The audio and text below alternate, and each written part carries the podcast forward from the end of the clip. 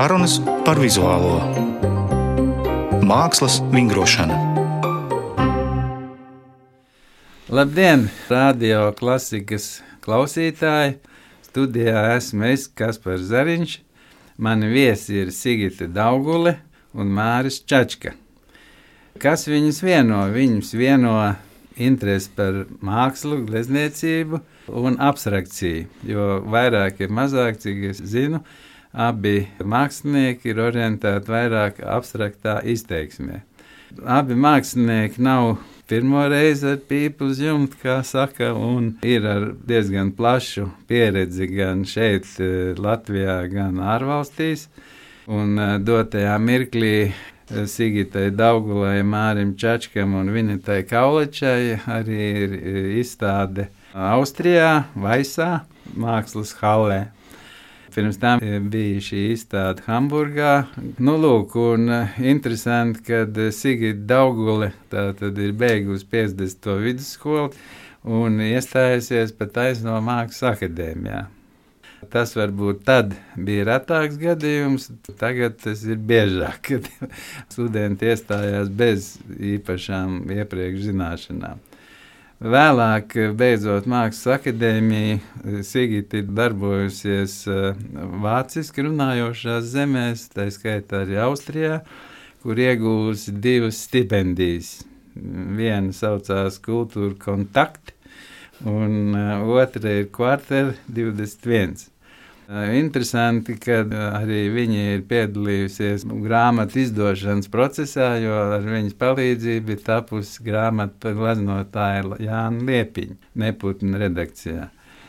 Un pašai viņai ir grāmata Sigūda Daugu, kas arī izdota neputnu izdevniecībā, un kas vēl abus Māri un Sigitu vieno kontakts ar mākslas zinātnieci Ingu Steimanu. Mārim Čačkam bija plaša izstāde Rīgas mākslas telpā, savukārt Sigitē bija dubultā mākslas telpā. Bet Mārcis Čačka iepazīstinot cilvēks, viņš ir ļoti pazīstams arī kā Rotko mākslas centra vadītājs, kurš ir pārcietis smagas cīņas ar dažādiem uzbrukumiem saistībā ar neseno skandālu par Igaunijas mākslinieka kailo ķermeni orgānu krusta. Un, jāsaka, nav viegli cīnīties ar birokrātiju, sevišķi jautājums par mākslu. Bet šo mēs liksim mierā. Un vēl ko es biju pārsteigts, kad uh, Mārcis Čačka izrādās ir pedagoģijas doktors, ko es nezināju. Viņš ir strādājis arī Daugopils universitātē. Nu jā, un uh, vēlētos sākt ar uh, Cigitu Daugulu, kas pirmā varētu atcerēties savu bērnību un kā tu nonāci līdz uh, mākslē. Nu, bērnība man bija ļoti skaista, kā jau visiem. Un, uh, ar mākslu bija tā interesanti, ka es no paša sākuma vienmēr zināju, ka es gribu, es nezināju, ka tas ir mākslinieks, nu, zīmētāja. Es gribēju zīmēt. Un 50. vidusskolā, kurā vecāki man ielika, tas ir 4. vai 5. klases, toreiz bija. Es pat ļoti gribēju iet uz rozentāļiem. Vecāki man nepalaida. Viņi man pat teica, ja tu gribēsi kļūt par mākslinieci, kļūsi tāpat. Bet valoda tev ir jāiemācās. Valoda tev dzīvē noderēs. Un tagad, tīri skatoties atpakaļ, es saprotu, ka viņiem bija taisnība. Jo nu, es ļoti viegli pēc tam iemācījos vācu valodu, jo 50. vidusskola iedeva to. Viņa iemācīja, kā pareizi mācīties valodu un kā šīs zināšanas arī sastruktūrēt.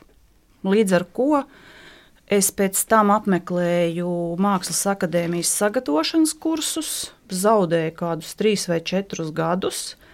Bet, nu, ko nozīmē zaudējis, pa vidu strādāju un uzzināju, ko nozīmē darbs, ka tev jāsēž ir darbā kā darbā.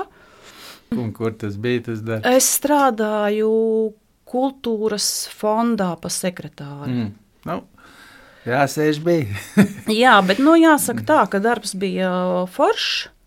Cilvēki bija forši, bet tas viss nostiprināja manu pārliecību, ka uh, strādāt es tomēr šādā formātā negribu, ka tad labāk likties uz dīvāna un mirt nost, ka tomēr jākļūst par mākslinieku. Un tā tu nonāci Mākslas akadēmijā. Tā es nonācu Mākslas akadēmijā. Un, um, nu, tu pats zini, ka mākslinieka darbs arī nav viegls. Piemēram, tagad šīs izstādes kārtojot, Māris piekritīs, teiksim, šīs te četras dienas, viņas bija tik ārprātīgi smagas. Jo Tur bija jāizbrauc, tā pilsēta ir 200 km no Vīnes, tā tad tu vēl brauc ar mašīnu, pēc tam tu kārto trīs dienas, tad ir atklāšana.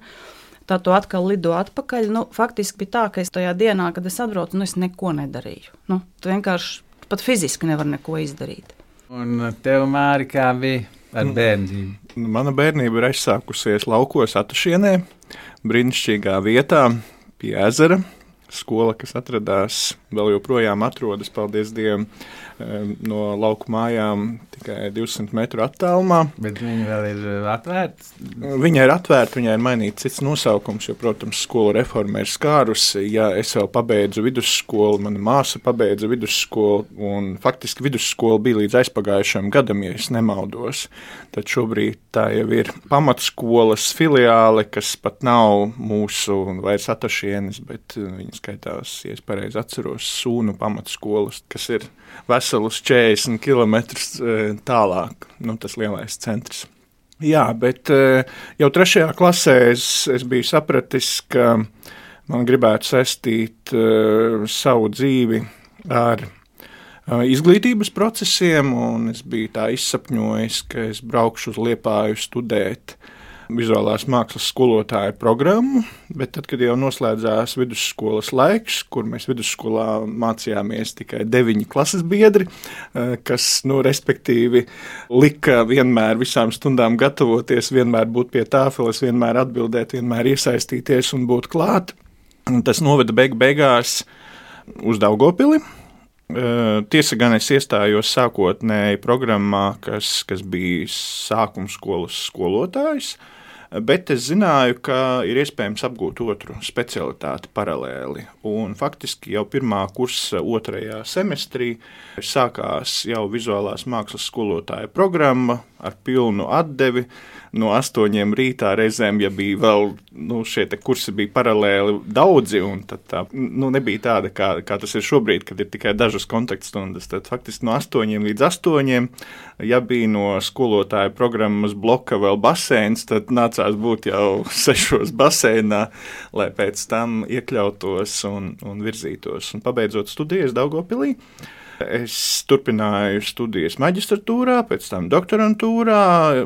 Maģistratūrā sākot studijas, es paliku arī darbā Daugopils Universitātē, un sākotnēji kā, kā laborants, pēc tam kā asistents, lektors un docents.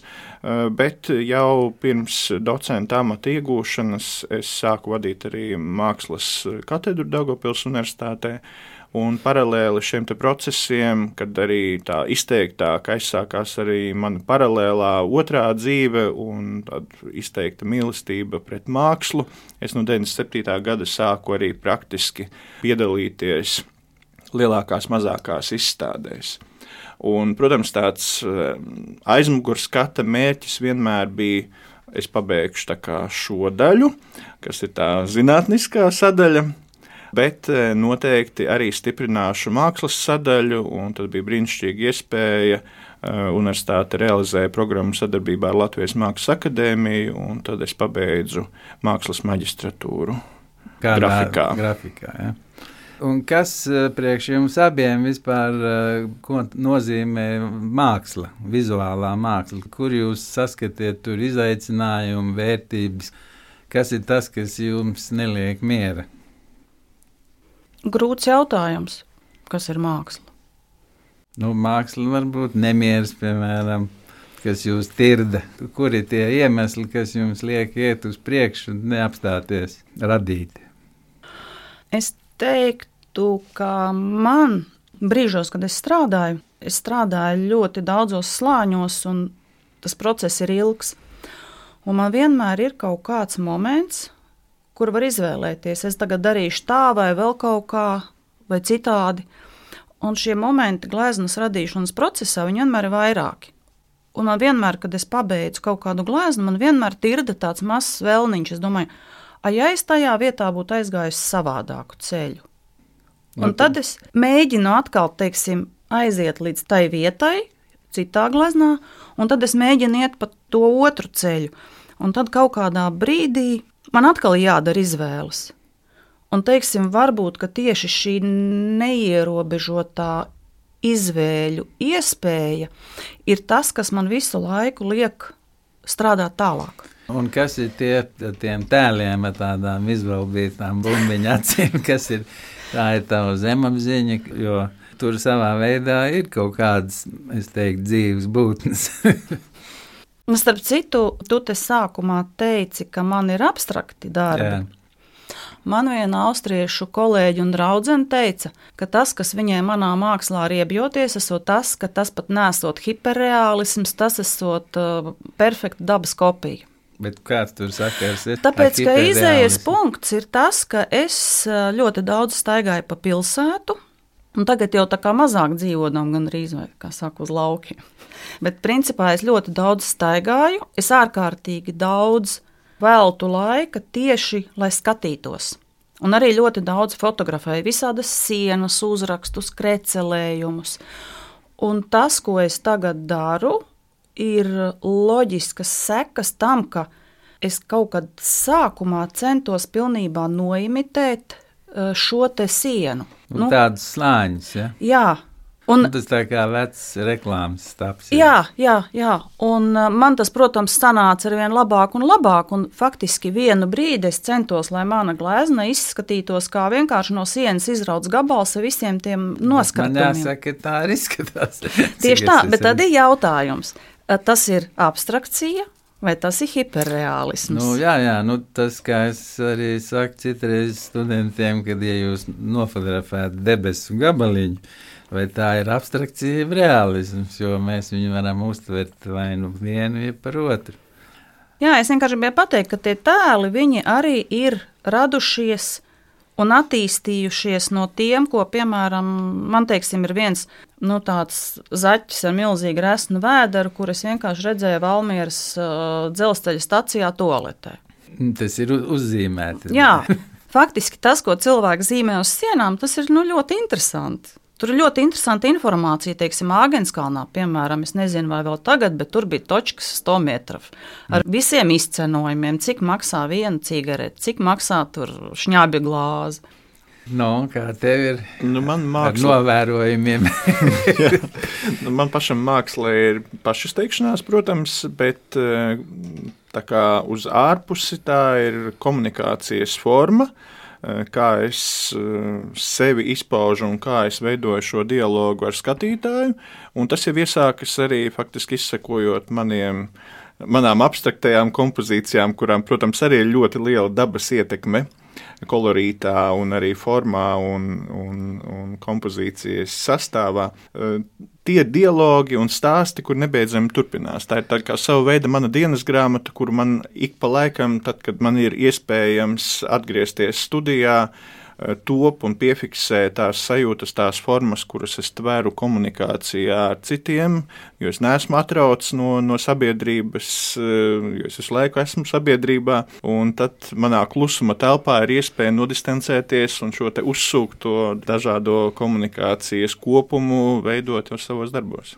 Un, eh, cik es esmu ievērojis, tev viņi pārsvarā ir no viena formāta. Vai tas ir tāpēc, lai būtu praktiski, tu, piemēram, var uzgleznot un mainīt apakšrāmjiem. Uh, Nu, formāts nav gluži viens. uh, Ir viens tas laukums, ka tas ir kvadrāts. Bet uh, formāti ir no mazākais, man ir 50 x 50 šis kvadrāta laukums. Lielākais šobrīd, ar kuru es strādāju, kā gatavo apakšām, ir 1,90 x 1,90 m. Bet, uh, kad es aizsāku strādāt uz šiem kvadrāta laukumiem, atsakoties no saviem slāņojuma darbiem uz papīra, es sapratu, ka kvadrāts man gana labi iet pie sirds un ka es ar viņu varu operēt tādā veidā, ka veidot blokos daudz lielākas, iespaidīgākas kompozīcijas. Bet, bet tu, kad tu gleznot, tu skaidri zini, kur būs augšs un apakš. Tev nav tā, ka viņas tu var pagriezt uz vienu, otru pusi. Pēc būtības jau var pagriezt uz vienu un uz otru pusi, bet priekš manis, protams, ir nodefinēta augša un apakša, neraugoties uz to, ka mani darbi atšķirībā no tādas tradicionālākas, varbūt izpratnes par glezniecību, top uh, horizontālā plaknē uz, uz galda. Jā, jā. Uz zemes. Kā es to darbu ieraugu un, un to novietojumu, pirms es viņu nomarķēju, kura būs augša un kura apakša, es viņu nu, izvēlos tad, kad darbs ir ir tapis sākotnēji horizontālā plaknē, kad es vēl domāju, vai būs tā, vai būs tā. Mm -hmm. Nu, un tu glezno ar akrilu. Es jā, strādāju ar akrilu. Un cigit? Tikai ar eļļu. Un kāpēc tieši ar eļļu? Tāpēc, ka plastiskāk, tāpēc, ka smaržo. Tāpēc, ka es ar citiem materiāliem nevaru iegūt uh, nec tos efektus, uh, teiksim, kaut vai žūšanas procesā, tur ir pietiekami svarīgas nianses. Akrilā es nekad šādas slāņas neuztaisītu.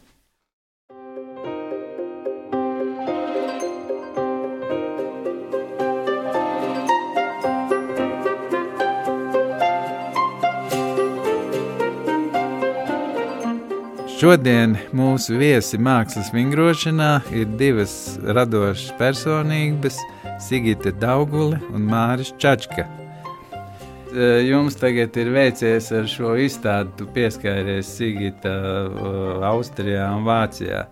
Jau pieminēja, bet eh, kā tie vācieši uztvēra jūsu mākslu, vai viņi tā kā ievieto viņu tajā Eiropas mākslas kontekstā, ja viņi uztver jūs kā austrumu Eiropas pārstāvis? Kāda bija viņa attieksme, ja viņi vispār Nē, par to nedomā? Viņi par to nedomā. Jā, man šķiet, ka nedomāju, jo līdzīgi kā Sigitē, man ar, ar vācu valodā runājošām zemēm, ar tā sadarbība ir gan jau gara, nu, īsāka varbūt nekā Sigitē no 2000. gadu sākuma. Tas ar dažādām galerijām esmu strādājis, un faktiski viņi neskatās gluži, ka mēs būtu citplanētieši vai mazāk vērtīgi. Nu, un ja mēs runājam par to darbu saturu un formu. Man interesē, cik pēc jūsu domām mākslas darbam ir nepieciešams profesionālais pamats, tas pats darbs, un cik no viņa aizņem tā otra, tā nezināmā puse. Kas jūsuprāt ir svarīgāks? Formas meklējumi, satura meklējumi, kāds ir jūsu balans? Es domāju, ka viss kopā. Es domāju, ka ja mēs sākam to šādā veidā skaldīt, tad jau mēs tikai tajā mākslā pāri nodaram. Jo, piemēram, man ir svarīgi, lai būtu arī šī profesionālā daļa. Es zinu, ka daudzi mēdz teikt, ka tur ideja ideja galvenais, jā, bet nu, no otras puses, nu, kā tu uzgleznosi, uzzīmēsi vai radīsi instalācijā vai kādā citā formā kaut ko, ko tu es izdomāju galvā un neredzu acu priekšā, ja tu nespēji izdarīt pašu vienkāršāko, uzzīmēt to, kas tev ir pie deguna. Jā, es pilnīgi Sigitai piekrītu. Manuprāt, arī dalīšana nav nepieciešama. Protams, var būt konceptuāli darbi, kuri balstās uz vienu vai uz otru pusi, bet tā ir katra mākslinieka izvēle. Bet, ja man būtu jāatbild par sevi, tad es nekautrējos, ka arī šī amata prasme ir gana būtiska mākslas darba radīšanas procesā, ka saturam ar šo te tehnisko pusi, kompozīciju, viņam ir jāstrādā kopā. Un, un tā amata prasme, tas ir, ko tu izmanto nazi, palets nazi vai, vai nu, tu šļaksti krāsu virsū. Tu... Manā gadījumā tie ir grafiskie, tehniskie paņēmieni, kur sazobē strādā dažādu plakņu pārklāšanās, slāņošanas šajos procesos, un, protams, arī šeit neizpaliek gleznieciskās nianses, kuras arī savā ziņā aizņemos nu, kā, no akvareļa, kas kādu laiku atpakaļ, un vēl arī šobrīd eh, daudzās kultūrās ir kā grafikas tehnika. Līdz ar to šīs kombinācijas un šie slāņojumi un atslāņojumi, tā ir tā tehniskā nianse, kā es šo izkopto jau daudzu gadu garumā, tehnisko prasmi, varēju un radu savus darbus. Nu, kā tu zini, kad uh, tas darbs ir gatavs? Kas tev to pasaka? Rūķītis, kāds iečuks tausī, jeb, jeb Nu, es esmu novērojis, tas tā smieklīgi varētu skanēt, bet tad, kad man gribās nomazgāt rokas, tad, tad ir šis klikšķis, ka darbs ir pabeigts. Bet tu jau viņu glezno daudz slāņē, tad viņš viņu vairāk reiz tās rokas mazgā. tas gan. Tad, kad ir jau tie pēdējās stadijas, nu, tie, kas ir jau tur 20 slāņi vai 8 slāņi, nu, atšķirīgi, daži darbi jau tikai 4 slāņi. Bet Līdz tev ir to... gadījies, piemēram, ka tu uztaisīji kaut ko foršu, bet tev pārējais nepatīk, un ka tu izgriez gabalu tas, kas tev patīk, un, piemēram, padari viņu mazāk to darbu. Gluži tā, nē, drīzāk ir tā, ka es atkal ņemu, aizklāju visu ciet ar vienu slāni, un tad sāku atslāņošanas procesus, un tad sāku atkal no jauna strādāt, ja tas audeklis ir dzīves, lai, lai viņš vēl uztvertu to krāsas smagumu, kas tur nāks virsū, un manu fizisko spēku iedarbojoties ar plāksnēm, ļaujot izžūt un atkal uz mitrāka strādājot. Un Sigita, tu tos savus varoņus, jeb tos tēlus, tu viņus iecer uzreiz, ja viņi nāk tādās nu, spontāni. Es pieļauju, ka viņi pēdējie tie. Jā, nevienmēr. Nevienmēr dažreiz viņi ir pašā apakšā, un tad es viņus izkasu. Mm, tad tā, tu atstāji speciāli tiec līdz tai pirmajai. Jā, jā, jā, es speciāli tā atstāju. Dažreiz viņi atnāk arī spontāni. Vienkārši teiksim, nu, kādam tur pietrūks draudziņa, tad piezīmē klāt. Intereses pēc, vai jums ir uh, hobiji, jeb ko jūs dariet tad, kad jūs nestaigājat, cik gadījumā, gadījumā, jeb negleznojat? Mār, ko es daru? Mums ir kopīgs hobijs. dārzniecība. À. Man tā ir attālinātā dārzniecība laukos, tajos brīžos, kad es varu aizbraukt uz laukiem, bet, bet šobrīd man ir pilnas palodzes ar sa sasētām paprikām un tomātiem, kas jau ir paaugušies, pēc kuras pēc tam es vedu uz tālsēmniecību, kā es tā smējos uz laukiem. Bet nu, Sigitē jau ir milzu dārzs un saimniecība, kuru ikdienā kā hobiju Tas ir apgabals. Bet... Nu, viss, kas es esmu visu sastādījusi. Man. Nu, tu viena pat to visu dari. Es visu izdaru. Un man ir, kā man atbrauc austrieši, man teica, kā tu šito visu uztur kārtībā, tu esi noteikti kaut kur vergus pagrabā paslēpusi. Un cik gadus tu pavadīji tajās ārzemēs? Un vai ir viegli vispār dzīvot? Uh... Es pat neteiktu, ka gadus. Vienkārši es esmu tā, nu, visu laiku šurp turpa braukājusi, daudzījusies. Tagad Bet, nu, pēdējos nu, ilgi, teiksim, gadu? no 98. gada. Nē, pat agrāk es sāku Sloveniju vasarās braukāt 95. Bet tu tur darbus arī radi uz vietas, ja tu viņus... Jā, jā, jā. Tajā stipendijā laikā es, protams, radīju uz vietas. Tad tur kontakti attīstījās. Bet, eh, principā, tu uzskati, ka tur ir jādzīvo, lai šie kontakti rastos. Viņi visu laiku jākustina, obligāti. Jo tagad arī nu, es satiku draugus, satiku cilvēkus, viņi tur tā taisās tālāk kaut ko palīdzēt, jā, bet, ja tu tur nēsi, nu, tad tu tur nēsi. Tad tev aizmirst vienkārši. Pat neaizmirst, bet eh, nu, kāda interese, nu, nu, jā, aizmirst. Atcerās tad, kad atbrauc uz Rīgu. Māri, eh, runājot par tavu darbu Rotko centrā, es zinu, ka jums ir priekšā 28. Eh, aprīlī ir liela jubileja, desmit gadi. Cik es lasīju programmu, tur būs arī atvesti Rotko oriģināli darbi. Vai tie būs tās abstraktās izpausmes, jeb eh, agrāki? Nu, jā, desmit gadu jubileju mēs uzsākam svinēt jau pa 22. aprīlī. Tā programma ir nedēļas garumā faktiski. Un 28. aprīlis ir kulminatīvā diena, kad publiski apskatē mēs atveram Rotko e, oriģinālu izstādi, kur būs seši darbi. No tiem ir divas e, šī klasiskā perioda kompozīcijas, abstraktie darbi, abstraktā ekspresionisma kompozīcijas, bet eh, pārējie darbi, līdzīgi kā tas ir bijis arī līdz šim, lai parādītu mākslinieka eh, dažādošos mākslas evolūcijas ceļa izpausmes eh, virzienus, tad mēs parādām arī surrealisma perioda darbus. Ir viens klasiskā perioda darbs un arī viena multiforma. -hmm. Bet eh, paralēli šim centrālajam notikumam mums atverās brīnišķīga Lielbritānijas abstrakcionista Džona Hoilena izstāde Un tajā dienā mums ir arī zinātniskie lasījumi, kas sākas no paša rīta, kur ir Džona Hoilena mākslinieckā mantojuma bibliogrāfijas veidotāja sarunā ar izstādes kuratoru Filipu Dotu. Un noslēgumā ir brīnišķīgi divi koncerti. E, itāļu mākslinieka performance Aleks Braga un e, franču mākslinieces uzstāšanās.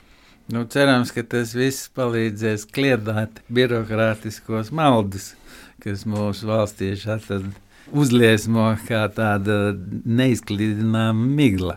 Bet uh, jācer, ka kad latviešu mākslinieku arvien vairāk iekļausies tādā starptautiskā apritē, jo faktiski tas, ko tu pats stāstīji, tas ir ļoti labi, ka notiek šāda miedarbība. Nu, vai nākotnē jums arī ir iecerēts vēl, Sigīt, tev tāda plašāks izstādes, varbūt Vācijā, ja kaut kur citur? Nu, tā uz sitienu, ja es teiktu, nē, bet, nu, protams, um, kā saka, cilvēki tur skatās, kur varētu kaut ko izstādīt. Nu, Mm, Nekas jau process, tukšā vietā jā. nerodās. Tas ir nu, process. ko, ko jūs ieteiktu vispār jauniem latviešu māksliniekiem, kā viņiem būt? Jo nu, jums ir zināma dzīves pieredze, tu teici, valoda. Ok, tā tad valoda ir svarīga. Nu, ļoti, jo tu jau, teiksim, man liekas, Māris arī redzēja, kā ir komunicēt, ka es varu brīvi vāciski, un es faktiski visu, ko es varu latviešu pateikt, es varu pateikt vāciski. Jā. Un, uh, tas ir ļoti svarīgi tajā komunikācijā ar viņiem. Jā. Nu, un, teiksim, tādai pašapziņas radīšanai, kas būtu nepieciešams jauniem māksliniekiem, Nu, vajadzētu tiešām aizbraukt, dabūt kaut kur kādu stipendiju un padzīvot. Jo Latvijā ļoti daudzi ne tikai jaunie mākslinieki, bet arī vecākas paaudzes, kas nav padzīvojuši tajā vidē ārzemēs, dzīvo diezgan tādos lielos maldos. Nu, tev, tad, kad tu sāki to darbību, kas bija tas graujošākais? Es nedomāju, rietumu veikali vai kaut kas tāds, bet tavā psihē, apziņā, kas bija tas, kas mainījās pretstatā uh, padomu laikam? Nu, pirmkārt, tā ir arī attieksme pret uh, mākslu.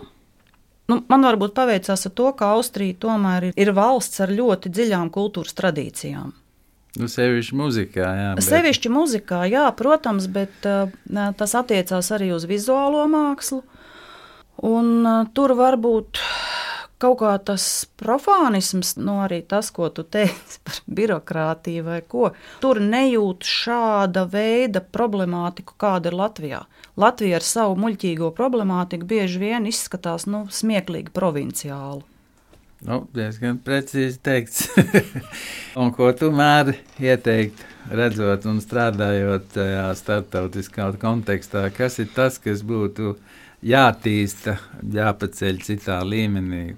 Nu, es savā ziņā piekrītu Sigitas teiktajiem par tās pieredzes gūšanu starptautiskajā vidē, bet tajā pašā laikā nu, droši vien ir varbūt tās to, ko es novēroju arī pie jaunajiem māksliniekiem ka nu, nemitīgi ir jāaug un jāattīstās uz priekšu. Nav jātīksminās uzreiz par pirmajām veiksmēm, nav jāapstājas Jā, pie jau sasniegtā, bet jāiet noteikti uz priekšu.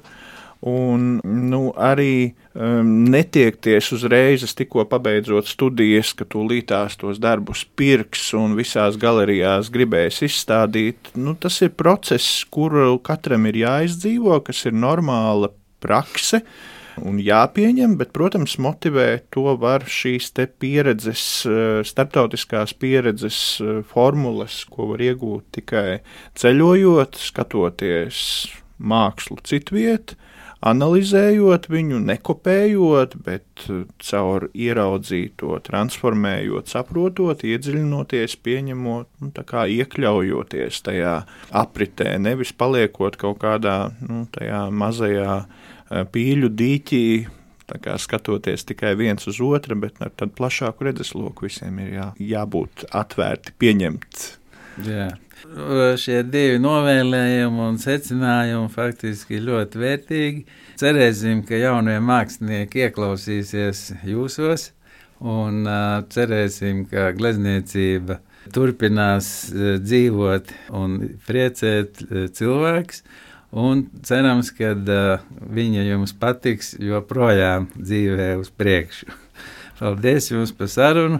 Atgādinu, ka šodien mani viesi bija Sigita Daugula un Māris Čačka, abi mākslinieki, un raidījumu vadīja es, Kaspars Zariņš, producente Inta Pīrāga. Paldies! Raidījums tapis ar valsts kultūra kapitāla fonda atbalstu.